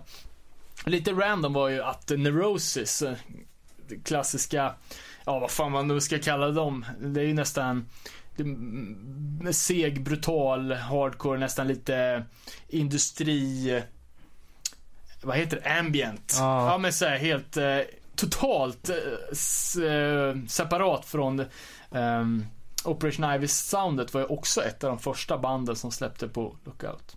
Okej. Alltså. Eh, men i alla fall, ehm, Operation Ivy är ju ett superlegendariskt band, men när de, när de spelar så var det mest i, i hemtrakterna och inför små, för små sällskap och eh, ja, de vart, de vart hypade och eh, till slut så vart de väl erbjudna då ett eh, Major Label-kontrakt med EMI. Eh, och då gjorde de väl det enda rätta och la av helt enkelt. Så det är ju en... De måste ju ha varit så sinnessjukt inflytelserika på Ja, typ allt vi sitter och pratar här timme ut och timme in på. Ja men verkligen. Det här är ju ett, eh, ett groundbreaking band. Mm. Eh, Jag tror mycket, mycket, mycket av den punken som finns idag är ju, är ju indirekt eller direkt in, influerade av, av Operation Ivy och hela deras, inte bara musikaliska utan också liksom, tror, eh, nej men typ hela den, det, ja men den, det som man kallar för en liksom amerikansk punkstil, liksom klädmässigt och så. Eh, Såg även Var att, de eh, tidiga med hattar eller? det tror jag. Jag tror att de var i princip hattpionjärer inom, Känns som Inom att The. Clash hade hattar. Ja, det är möjligt. Ja, ja, jag, jag ska inte sätta, sätta mitt liv på det, men jag, jag, jag tror att allt, eh, Operation Ivy har satt sina händer på har blivit stilbildande. Eh, och eh, läste även att eh, eh, Eh, Operation Ivy bröt med, med Lookout Records för att, eh, ja, för att de helt enkelt inte fick betalt för sina, för sina släpp. Och nu så ger Tim ut grejerna på, på sin etikett Hellcat, no, reissues. Förutom Leftover Crack. Det är för mycket, för mycket referenser till gam, gammalt här som jag... Eh, Men ja, om det är någon som har missat Operation Ivy så är det ju min varmaste rekommendation Hectic 7 Extremt bra, upptempo punk. Fett. Jag skulle även passa på att tipsa om Septic Death också som vi touchar lite på där. Eh, absolut inte skatepunk men det är i alla fall det, kom, det kommer ifrån ifrån samma håll på något sätt. Eh, ja, jä- jävligt fett band. Ja, vad har vi, vad har vi mer? Vad fan ska vi... Mer svenskt eller ska vi gå på de amerikanska banden? Eller har du några mera holländare som kryper i lådan? Nej men vi kan ta den här lilla, förlåt, den här lilla roliga grejen med, med Satanic Surfers Tribute bandet som släppte en split med eh, Skumdum på Junkyard Records här för inte alls så länge sedan. vänta nu, vänta. Finns det ett Satanic Surfers tribute-band? Ah, jag vet inte om jag ska kalla dem för tributes för de är jävligt bra musiker på sina egna meriter och de skriver egna låtar och de, de, liksom, de spelar väl någon Satanic Surfers, Surfers cover kanske men de heter Hero of Our Time. Ehm, De kommer ju också få arga moralbrev här snart. Det beror på vem som är på omslaget. Ja, det är klart. Det Kan ju vara Bert Karlsson eller Sivert Öholm eller något. Nej men det här är ett, eh, ett eh, band som eh, jag vet inte, de är från någonstans i USA i alla fall. Eh, jag tror de är, ja Florida precis. Eh, snabb googling där. Där är det också varmt. Även fast det är på östkusten så, uh, Sol är nyckeln här. ja. Men vadå, är de inte svenska? Nej, de är från, eh, från USA, eh, Florida. Och eh, de har släppt en EP och en split. Ehm, och eh, den, den splitten som de eh, har släppt ehm, var ju då eh, två splittar egentligen. Den ena var med Skumdum och sen så tog de samma låtar och släppte en fyrvägssplit med bland annat Forus som vi kommer komma in på om ett tag. Men eh, jag upptäckte dem eh, för ett par år sedan när jag satt och letade typ band i samma stil som Satanic Surfers. Eh, och eh, Var det på Related Artist på Spotify? eh, typ, eller på den tiden Last FM kanske. Men det blir ganska roligt när man hör dem.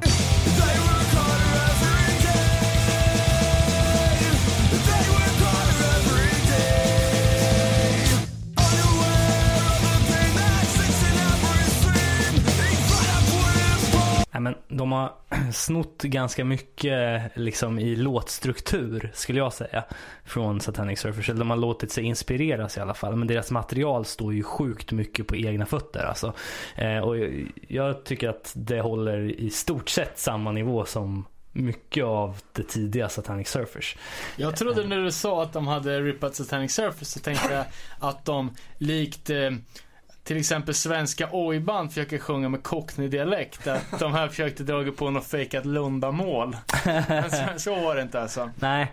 Ehm, men det som är tråkigt med det är att de har gått lite under, eh, under ytan. Eh, men de har en eh, EP, eh, en split med Skumdum där de har ja, mest egna låtar. Och sen har de den här fyrvägssplitten med Forus. Men det är ju rehash av Skumdum-splitten då. Eh, Men eh, släppt på svenska Junkyard Records som sagt eh, med, med Skumdum. Det har någonting med Junkyard-butiken att göra. Ja, exakt. Men jag har inte lyckats få fram någonting. Jag har försökt kontakta dem. De svarar ingenstans. De har någon gammal MySpace liksom. Men ja, det här är fantastiskt. Så vill ni ha musiken så kontakta mig kanske. Eller något. Så kan jag ordna det. Ja, Junkyard Records, det låter ju som att det är en signing av plånbok där då. Känns Ja. som att det finns väldigt lite kärlek till musiken och väldigt mycket kärlek till, till att göra och bli nästa Burning Heart eller någonting. Framförallt så tycker jag... Sjukt omotiverat men eh, det verkar inte ha funkat. Nej, eh, alltså. Jag vet inte hur många ex de har sålt av den här. Men en konstig parning med, med skumdum. Rent musikaliskt. Men ja. Eh, men Hero of Our Time heter bandet. Eh, tips. Sen så. Eh, Ursäkta. Ja, gå, gå, jag skulle vilja gå vidare till en, en annan typ av skatepunk som är den här mekaniska riff-runk-skaten. Eh, nämligen som, som utförs då i, i synnerhet av två band som jag har hittat. Jag är intresserad av fler för jag gillar den här typen av skate. Men eh, franska Forus och kanadensiska Mute eh, spelar eh, väldigt mäckig skate. Jag hänger inte ens med vad du menar riktigt. Ja, men, men, är det inte alltså m- eh, skatepunk fast med metalgitarrer? ja precis. Det, Mycket, har jag, det såg jag fan någon, eh, någon jävla blogg om. Någon snubbe som var helt tokig i det soundet och som eh, hade lagt upp massa grejer som Ja men så, ja, verkligen metalgurker och sen Ja. skatepunk kombon liksom. rota fram det då, för jag Ja. är supersugen på det här kan jag säga. Ehm, men ja, det är ju mycket metal-influenser. Eh, och ehm, ja, jag vet inte. Ja men det kan ju, det kan ju stämma liksom att det är Ja men kanske metalfolk som börjar spela skatepunk. Eh, man tänker, vi sa ju att Veneria hade gjort Manowar-cover och är väl, eh, vad fan sa den Stoned. Eh, kör ju en Iron Maiden-cover på, på någon, på någon platta. Mm. Så det finns väl någon, eh, Vurm. Någon vurm där. Bra Att ord. he- Heavy metal eh, killarna kanske kände av någon, någon rådande trend och började spela skatepunk fast hjärtat klappar för för dutter, dutter, dutter, Ja, exakt. Galoppmetal. Eh, men Forus i alla fall, de eh, släppte en eh, ganska dålig platta i år, eller 2014. Eh, som de har jobbat på jävligt länge som heter Lights. Den kan ni skita i. Men ni kan börja på eh, skivan We från 2011. Där bangers som I only go to school for the handrails eh, finns med. Eh, det var den här kom, det har jag läst någonstans. som vi, som vi spelade upp eh, tidigare avsnittet med den konstiga sägningen i början där. I'm gonna teach you how to... Ja, vad sa den där? Backwards handrail. ja, vi kan kolla här. I'm Chad Celsi. I'm going to teach you how to backboard handrails today. Let's go. Cool handrails. Ja, eh, sen då Mute som eh, jag tror är från Kanada. Jag är hyfsat säker på att de är från Kanada. Eh, men de har släppt en skiva som heter Thunderblast. Kom också ut 2011. Eh, med eh, diverse, ja det är tio spår på den. Eh, och eh, jag tycker att första spåret Bates Motel är den absolut bästa. Men det är mer åt poppunk-hållet fast Ja, men- snabbt och trixigt liksom. Det, det tänker man ju på när skatepunk vart poppunk. Mm. Blink känns, man skulle väl kalla det poppunk. Men man har också tänkt på det som skatepunk. Ja. Jag tänker nästan, jag, jag slutade lyssna på Blink när de fortfarande spelade typ emo. Har de spelat emo? Ja men det var ju snudd på emo Ja. i, början. Typ såhär Dammit så, det, det kanske skulle gå under skatepunk. Sen Vad hette det? Dammit, låten. Jag vet inte vad sk- skivan heter. Okej, jag vet Ranch någonting. Ja, do, do the ranch. Dude Ranch. så. Men jag tyckte de mixade upp rätt bra på den plattan ändå. För de hade låtar som var mycket, liksom flörtade med mer kring det han kommer att göra senare i Angels and Airwaves och så. Eh, de här What's My Age igen och det. Det Ja. tänker man ju på som poppunk. jo, jo, jo, verkligen. Men sen eh, fler emo-grejer också fanns ju garanterat där. Och, I alla fall influenser tycker jag. Eh, det var väl lite där som, ja, om man ska gå tillbaka till det Homegrown försökte göra. De tog ju det där soundet och gjorde två plattor av det som blev blärg. Ja, och om man ska snacka, snacka skatemusik då om, eh, eh, om vi säger att Millencolin är grundat för att de ville spela musik Ehm, som hördes i skatefilmer och att det i alla fall inte i Sverige fanns några band som spelade den stuken. Så vart det ju eh, den här emo-trippen, till exempel Pegboy som är ett, faktiskt ett jävligt, jävligt bra band. Eh, vart ju den ledande musiken där eh, liksom efter att eh, den här skate rock stuket dog ut. Det var liksom ne- next level. Ja men typ samtidigt som man kan tänka mig att, att skatepunken blev eh, vad ska vi kalla det, allmän gods i Sverige. Så var det ju mer åt emo-hållet. eh, i, skate, eh, i skatefilmerna. Mm. Vilket år är det på nu? Eller Ja, nu kan, ja, men nu kanske vi snackar 94. Filmer från 94. Sånt som landade i, i charkdisken i Sverige 96 då, eftersom det tog två år att posta en videokassett från USA. Eh, en kort period och sen kom väl eh, skatefilmerna och domineras rätt så rejält av, av hiphop med Wu-Tang-stuket som... Eller så, jazz. ja, det tror jag. Det var Som jazz beats. rätt, rätt så mycket senare. Eh, Pegboy alltså. ja. Det de har en, ja det är också på- på, golftemat. Eh, en jävligt bra fyra låtar. Är Pegboy en boll... Ja, vad heter det? Caddy? Jag vet inte om det är någonting. Nej, Men är eh, minisedeln, tre eller fyra låtar som heter Four som är jävligt bra. K- Kanske fyra. Fan, dryg det. Jag vet inte vad det är. Det känns som jag har varit dryg hela avsnittet. Det är inte meningen. Ja, det, Nej, det, nej men det är ju roligt det där med, med, med teman. Alltså både eh, på texter och bandnamn och sporter och, och kläder. Som, det var ju så många skatepunkband eller ska-punkband hade ju den lilla trenden för sig, eller den lilla tendensen för sig att de rockar samma gear på scen också. Eh, alltså klädmässigt Ja. med kostymer och, och, och sånt. ja, kostymerna är ju mer, ja, men det är ju liksom traditionellt rude boy wear liksom. Mm. Men jag förstår verkligen med, med uniformsbanden. Mm. Kan, inte- kan inte komma på ett enda bra exempel, men det känns som att det var någonting som... Ja, alltså band som spånar den där eran. The Hives inte minst. Liberator också. Eh, Ja, fan Randy spelar ju med såna skelettkläder. ja, just det. Något Örebro-gig. Eh, jävligt bra band måste jag säga. Randy ja. Ja, alla gillar ju det gamla. Jag tycker ju snarare att eh, plattan Human Atom Bomb och eh, Can't Keep a Good Band Down Det är den bästa. är, är, är det bästa. tycker jag är svinbra. Eh, lite vibbar på ah, lite dålig attityd. Eller jag vet inte, jag får sån här jävla refused-känsla av det där bandet. Just med det här att de är så jävla... De byter stil efter varje platta och sen vänder ryggen till det gamla. Mm. Jag, jag, jag gillar inte den, den tendensen. Också jävla in, inne på det de gör. Ja men precis. Det är noll eller, eller motstånd eller Ja men precis. Och sen... fullt jävla ställ in. Eh, och det är ju det är gött om man är dedikerad till sin, till sin grej, men när man byter hela tiden så blir det känns lite oärligt. Jag såg dem i Linköping, då började de, då grät de på scenen och spelade Karl, Karl Marx and History. Ja, det är för jävla Då hade de också uniformer förresten. för jävla Typ fin bit. Nej men jag tänker på att eh, eh, liksom eh, först spelar de skatepunk, sen eh, Eh, sen eh, började Millencolin eh, ha lite mer ska-riff i sina låtar och som ett trollslag så släppte ju Randy The Ska EP, skulle de också spela ska liksom. Mm. Och sen vart det mer åt rockhållet och... Ja, jag vet inte fan. Det är mycket jävligt bra låtar alltså. Det, det måste man ju ge dem i alla fall.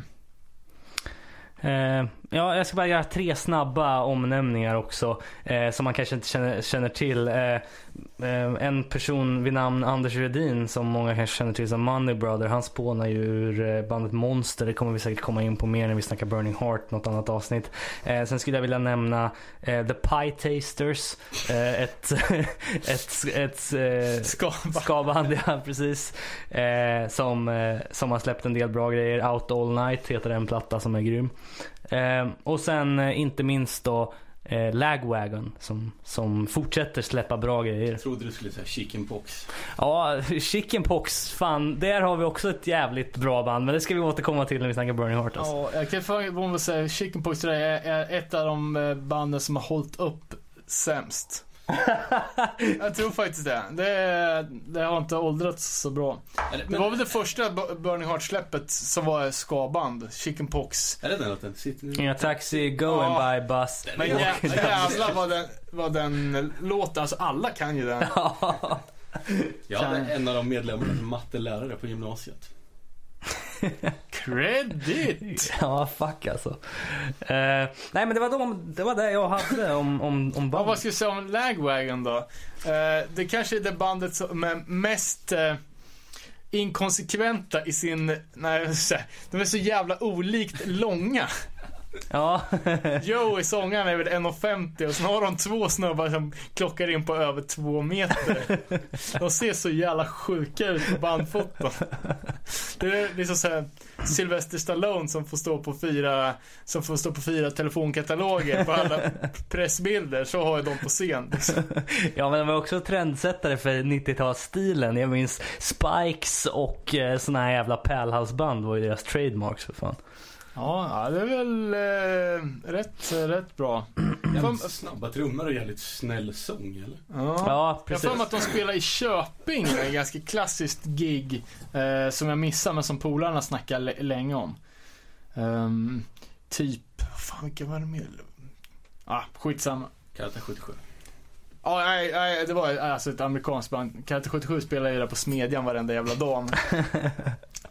uh, fan, och vad var det? Något annat sjukt jävla...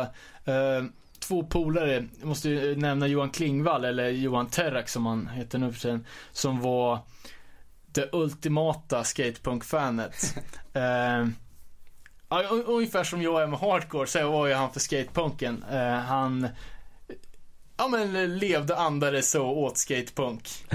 Ehm, ja, jag var tvungen att nämna hans namn i med det här avsnittet. Men, det än, än idag eller? Ja, nu pysslar jag med lite andra grejer. Ehm, men eh, han, han gillar ju musiken fortfarande men uh, för då var han ju ett die hard skatepunk-fan. Mm.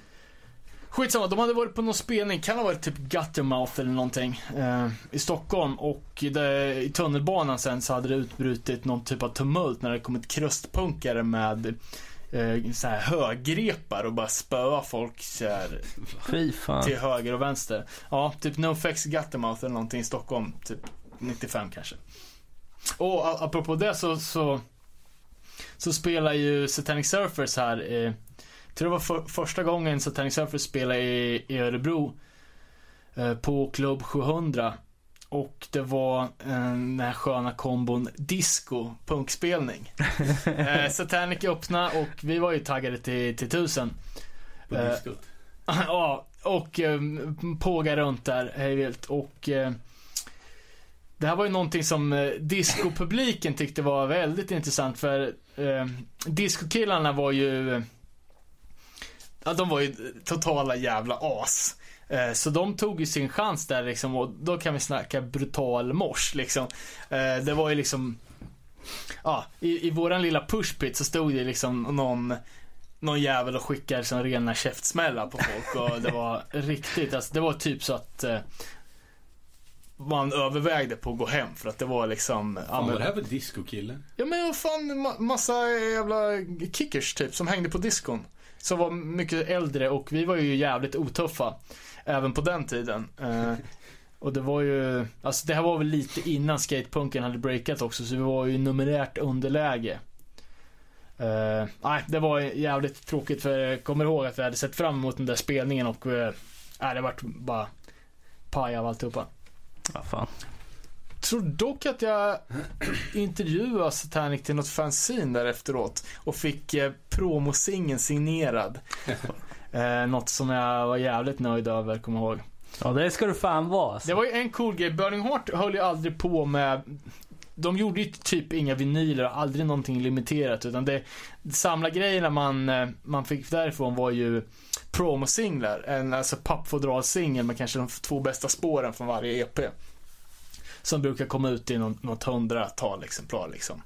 Eh, så det var ju, det var ju guldkornen. Jag kommer ihåg att eh, utöver de här cheap shots skivorna så släppte de någon senare variant som var just ett, ett pappskiv eh, fodral som nästan var som en singelfodral. Var det den Build to Last som en Ja. independent-logga med järnkorset? typ? Eh, nej, jag tror det var eh, bri- alltså, bara Burning Heart-loggan på framsidan. det i svart. den hade jag också.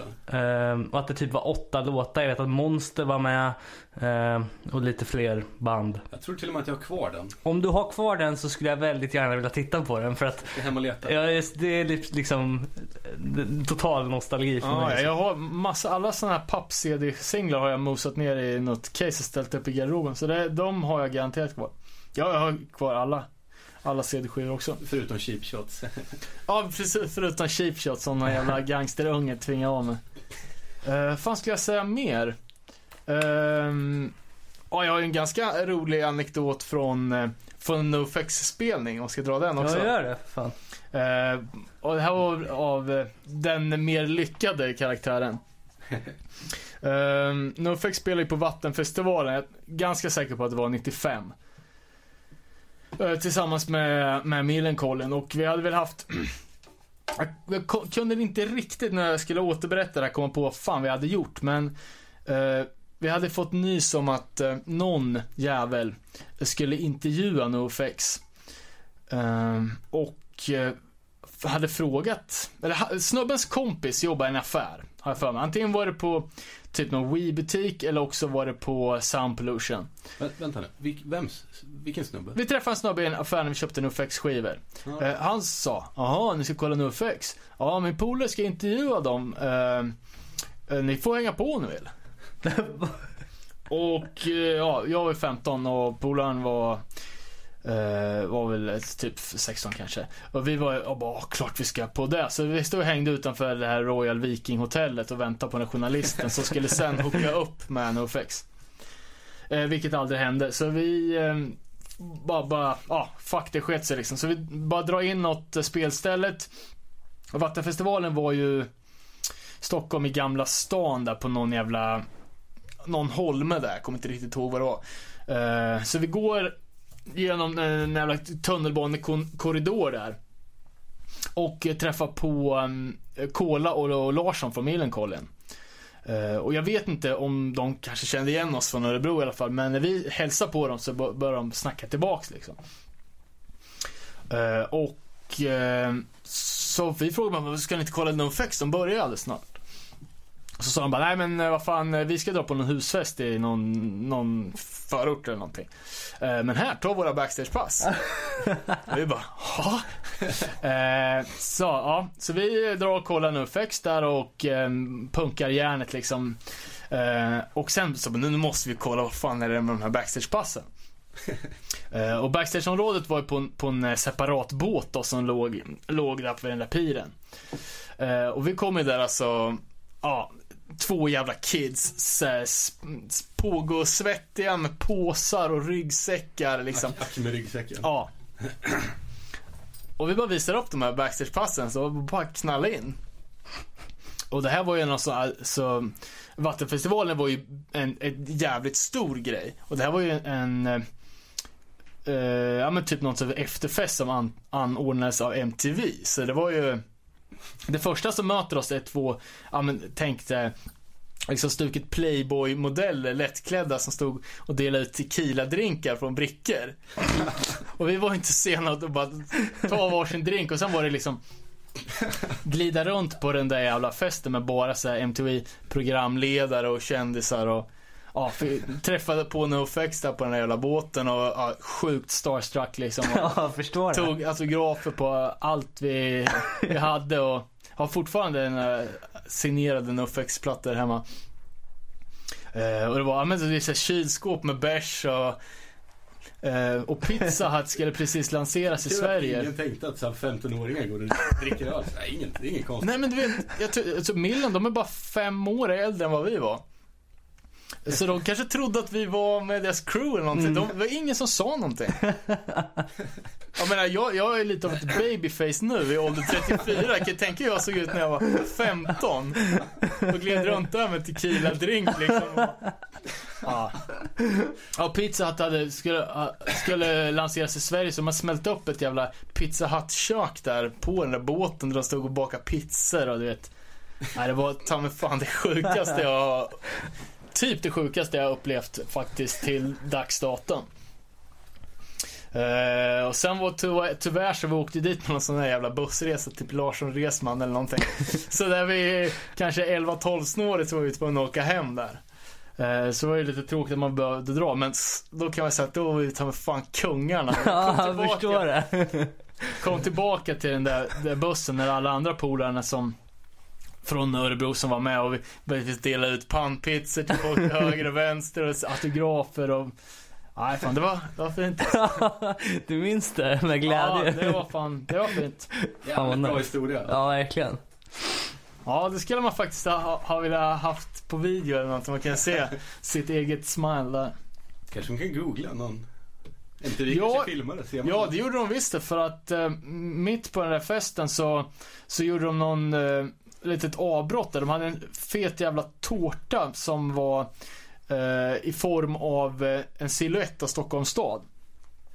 Som någon programledare, eh, eh, fan, ja, typ, eller någon programledare och någon eh, någon dåtida 90-talskändis, typ D-flex eller någonting, skar upp den där tårtan i, eh, liksom live i MTV. Och nummer två där på att ta tårta var ju jag och polaren. Slafsa fram där.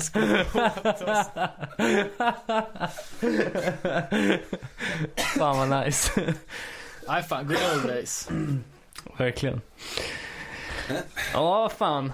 Eh, jag vet inte, jag har, jag har inte så mycket mer att säga om, om det här. Vi kommer nog prata mer om det när vi kommer in på Burning Heart Records och Örebro och 90-talet och, och sådär igen framöver i, i något specialavsnitt. Men Jag har säkert missat hur mycket som helst, men det är okej. ja. Och, Ja, någonting som vi inte får missa när vi sn- snackar eh, Snackar skate och punk är ju i alla fall att nämna Dwayne Peters och eh, alla hans band. ja, just det. US Eh, Bombs. Ja, kända sig vid US Bombs. Han har ju även eh, ett band som heter Dwayne Peters Gunfight och ett band som heter The Hunts. Som alla är svinbra. Såg även nyligen att han har gjort en, någon typ av lite mer lugnare grej. Eh, låter väl typ lite som man ska tänka sig Tom Waits, typ. Eh, ehm, som heter The Great Unwashed. Eh, och eh, Dwayne Peters är ju, kan man väl säga, personifierar kombon skate och punk. Och med lättare alkoholism. Ja, han har ju varit... Eh, han har ju själv sagt vid något tillfälle att han, att han är be- beroende av alla droger som finns. Men om man ska dra en liten eh, livsstory på han så är han född 1961 så han är ju i dagsdatum alltså, ja, börjar klocka in på 64, 60, eh, 64, 54 bast. Uh, började sk- skata i den första vågen och var tillsammans med Dogtown-snubbarna den första som, som började skata bowl. Eh, på den tiden så var ju eh, så skate har ju funnits eh, fan jävligt länge men i början så var ju skate någon typ av liksom gymnastik, akrobatik, åka på händerna grej. Eh, men där tidigt 70-tal så, så tog ju då bland annat Dwayne Peters det till, till pooler och eh, liksom imitera surf-moves. Eh, och eh, han blev väl eh, ganska snabbt en av de bästa. Eh, men han var också en av de, liksom, de, de eh, Vildaste. vildaste och galnaste. Och eh, ja, fan, han gjorde sig väl känd för att han hade en jävligt, jävligt bra stil, en jävligt aggressiv stil. Någonting som han har fått eh, fått lida för ganska mycket är med att han, eh, han laddar allt, han står liksom på allt. Så han har ju slammat och skadat sig mycket och eh, den första allvarliga skadan var ju, så det har läst lite olika om att han antingen ramlar ner för en trappa på fyllan eller också man skater ner på fyllan. Eh, Men han lyckades i alla fall åsamka sig en skada i armbågen som gjorde att han nästan dog. Oh. Då kan man tänka själv man får ett litet skrapsår att fan man dör av armbågsskada. Eh, Men då låg han i alla fall på sjukan i tre månader eh, med ständigt eh, morfin. Eh, och eh, Dwayne hade väl redan mm, typ alkoholproblem eller i alla fall söp liksom jävligt mycket. Eh, sen han kom ut från sjukan då efter tre månader på morfin så hade han ju också ett ganska tajt drogberoende. Men han körde på och ja, åren gick och han blev väl bättre och bättre och var till slut liksom om inte bäst i världen så i alla fall mm, topp tre under flera år. Eh, Tyvärr då hade den här superhypen som var kring skate typ 78 där lagt sig lite. Eh, De snubbarna, ja men de som var stora då eh, vart jag, men som, som Ja, det kan jag inte komma på några, några bra. Ja, Hosoi var lite senare men ehm, Gator. typ Tony Alva då. De var ju super, superstora namn liksom, men han var lite för sen in. Eh, Men i alla fall, han var ju en av de bästa och eh, liksom eh, uppfann ju massa trick, typ in the airs och sweeper och den klassiska acid droppen, alltså man droppar in i- i bowlen då, eller rampen från platån direkt. Vilket är jävligt jävligt Läskigt. jävligt läskigt. Speciellt eftersom en bowl är kanske typ 3-4 meter och eh, ren värt med endast en liten böj i botten. Liksom. Mm. Uh, ja, han uh, skejtade på och uh, bara, typ bara hade liksom, han körde väl på en Gigi Allen, Darby Crash uh, stuket av punk liksom. Och han kom ju in på punken då eller, i i och med Ja men i och med att liksom hardcore-punken föddes, ja men typ 78 där med Black Flag och det. Eh, men jobbade väl samtidigt upp en alkoholism till, tillsammans med ett eh, heroin och ett kokainberoende. Som han också eh, liksom hade, körde då parallellt med, med sin skatekarriär och eh, någon gång eh, eh där på, fan tidigt 80 skulle jag kunna tänka mig. Eh, när kids som Tony Hawk och de tog över liksom den nya generationen tog vid så, så la väl han av med att tävla med skate utan bara skata med sina polare och var, pu- var punk och, och punda liksom. Eh, och spelade väl i lite olika band men typ 90 så drog han väl igång med de banden som, som han är känd för idag. Och eh, eh, ja, till exempel då US Bombs som, som han turnerar med eh, i någonting som han beskriver som en åtta års eh, fylla. Blåste runt världen, världen över och var liksom packad. Och ständigt påtänd och liksom, alltså ja men eh, Darby Crash liksom. Eh, och eh, även då, det, typ den sista tävlingen han gjorde eh, så var det väl den, den, någon typ av tävlingsserie som kallades för Gold Cup. Eh, som var, ja inte vet jag, det var ju X-Games liksom på den tiden. Eh, och då kom han dit, sket i att tävla. Utan kom direkt till sitt åk i någon jävla skrotbil med en s- sprayad svastika på motorhuven. Och bara hoppa rakt ner i poolen till sitt åk liksom. Fy fan. Och eh, ja, man kan tänka att eh, om man ska skata bowl så är det ju, alltså alla bowls har ju olika vinklar och shapes och så här, så att det är ju jävligt bra om man har känt på den innan. Men det, det gjorde inte han och eh, det var också den sista tävlingen som han vann. Mm. Sen tog ju kids, eh, ja men typ den Tony Hawk-generationen över. Eh, ja, men blåst runt, eh, spelat med, med, med sina band och har ju gjort eh, sammanlagt då 17 fullängder och en uppemot 37 er Och Vad gör Örebro för kanske ett år sedan? Ja, jävligt bra, bra spelmässigt. Han är en extremt bra frontman och han kör väl, jag menar, så verkligen, vad ska man säga, han bjuder på en show. Liksom, kastar Det sig känns som en levande show. Ja, en levande jävla show. Jag har sett hon- honom jag har sett US Bombs flera gånger, både med och utan. Och eh, faktum är att när US Bombs spelade i Linköping, eh, vilket var en jävligt grym spelning för övrigt. Det var ju Unity Tour som bestod av Agnostic Front, No Innocent Victim och US Bombs. Mhm. Typ, eh, ja, inte vet jag, de tre bästa banden i tre olika genrer. Eh, kan det vara 99 kanske. Eh, då var inte Dwayne Peters med, han hade fått kicken någonstans på vägen på turnén bara. Jaha. Men då lät ju US Bond, det är ju det bästa de har låtit. Dock så är de ju, alltså det var ju inte alls samma upplevelse. Nej, det känns ju som att det är ett sånt band som Ja, man in, som inte vikt, riktigt vet vad som kommer hända heller när nej, man är på så, sånt gig. Det finns ju få band som det är så med. Såg jag, det var första gången jag såg dem, så i, i Tyskland, då fanns det en eh, stor jävla äcklig värtramp eh, i anslutning till spelstället och där körde ju Dwayne Peters runt. Eh, i, ja, men typ i Dr. Martins och, och bara över och skrek åt folk bara Är det någon som vågar skata med mig eller? och då var det såklart ingen som vågade. finns ju rätt bra dokumentär om Dwayne vi kan rekommendera. Ja, fan kika upp det. Vad heter den? Who cares? Who cares? Ja, ja den är svinbra. Men där i Tyskland, så då sk- skejtade den där jävla sjuka värten och det här var ju liksom ändå Ja, för det kan ju vara början på 2000-talet och då hade han ju ändå väl passerat 40 bast och haft en i alla fall 15 års eh, liksom stenhård pundar livsstil och kunde fortfarande göra liksom invert, revert i eh, värtramp med Dr. Martins liksom.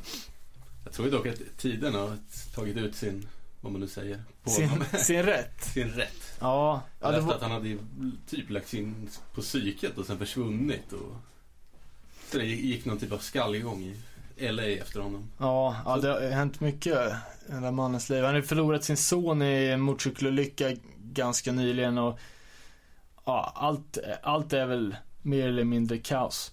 Eh, och eh, det var några år sedan här då han skadade sig igen och var Hela skateindustrin gjorde någon eh, Ja men gi- gick samman för att skramla ihop lite pengar åt honom för att han hade dragit på sin knäskada som eh, Återigen det där sjuka amerikanska sjukvårdssystemet att eh, läkarna förespråkar idag amputation av hela benet för att det skulle kosta så mycket och eh, köra rehab.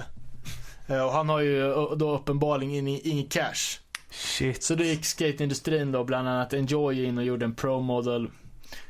Uh, fast han inte kör för deras märke och, och alla gjorde, ma- de gjorde massa tävlingar och skit så skramlade ihop lite cash så att gubb, fan kan du få ha kvar sitt ben liksom. Fy fan. Vilket jävla mörker.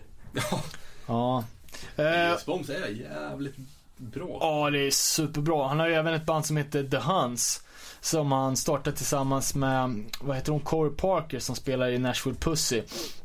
De var ju ett par där, de träffades under någon period där och när de båda var drogfria och eh, det vart väl någon... Kan de vara ett barn ihop? Det är hon som är med i dokumentären väl? Ja, jag vet inte faktiskt. Eh, men det vart ju någon, någon så här, ja men typ uh, Sid och Nancy kärlekshistoria. Det här skulle ju ha blivit någon typ av reality show. Eh, men de gjorde väl slut där efter ett par år. Jag tror att, eh, att de att det var så här, att de slogs med varandra och att det vart, ja men du vet, total misär. Kul fakta då på, eh, på The Hunts är att Julian Ness har spelat gitarr. Och det är alltså Mike Ness från Social Distortions barn. Åh fan. Ja, såg jag här, häromdagen faktiskt. Fan hur gammal kan han vara? Ja, jag vet inte. 20? Ja, möjligt. Nej men eh, allt Dwayne Peters har tagit i är ju coolt och bra. Och kaos. Och kaos. Ja, fan kan jag ju nästan dra den storyn också. Det är ju fan priset för årets farsa kanske, det vill säga jag. Efter den jävla spelningen med US Bombs i Örebro. Eh, och det här var väl, låt oss säga en måndagkväll eller någonting och eh, Ja, vi eh, bärsade på liksom som man ska göra i sann US Bombs anda. Och dagen efter när man skulle iväg och läm- lämna på dagis så hade jag inte sovit så många timmar på natten och ja, eh, var väl jävligt sliten helt enkelt och eh, så, som man agerar då när man, när man går upp jävligt tidigt och är trött med barn att man kör ju bara på någon sorts robot Radiostyrd. mode och bara gör det man ska. Så jag klär unga, lastar ner i vagnar och skit och går ner i, i vagnsförrådet och huset och packar ner unga så känner jag att det är så jävla kallt om fötterna. Så tittar jag ner. Så ser jag bara en barnvagn, två påklädda barn, jag själv och jag har inga skor. Så jag knallar igenom hela huset med, alltså, ja, ner för fem, sex trappor ner i källaren och visste inte ens att jag inte hade skor på mig. Ja, så kan det vara. Ehm, vi eh, tar väl och rundar av här nu då. Och bara för att riktigt jävlas med er så tänker jag gå ut med en Liberator-dänga här. Fan, jag är fortfarande riktigt, riktigt grundlurad här nu men ja. Eller lättad över att det inte var sant. Ja, men verkligen. Absolut. Eh, men vi, vi hörs igen om eh, två veckor då. Får vi se vad vi har för tema då. Men eh, skriv gärna till oss. Sprid podden och här kommer Liberator Kick the Bucket. Skank it up. Tack, tack.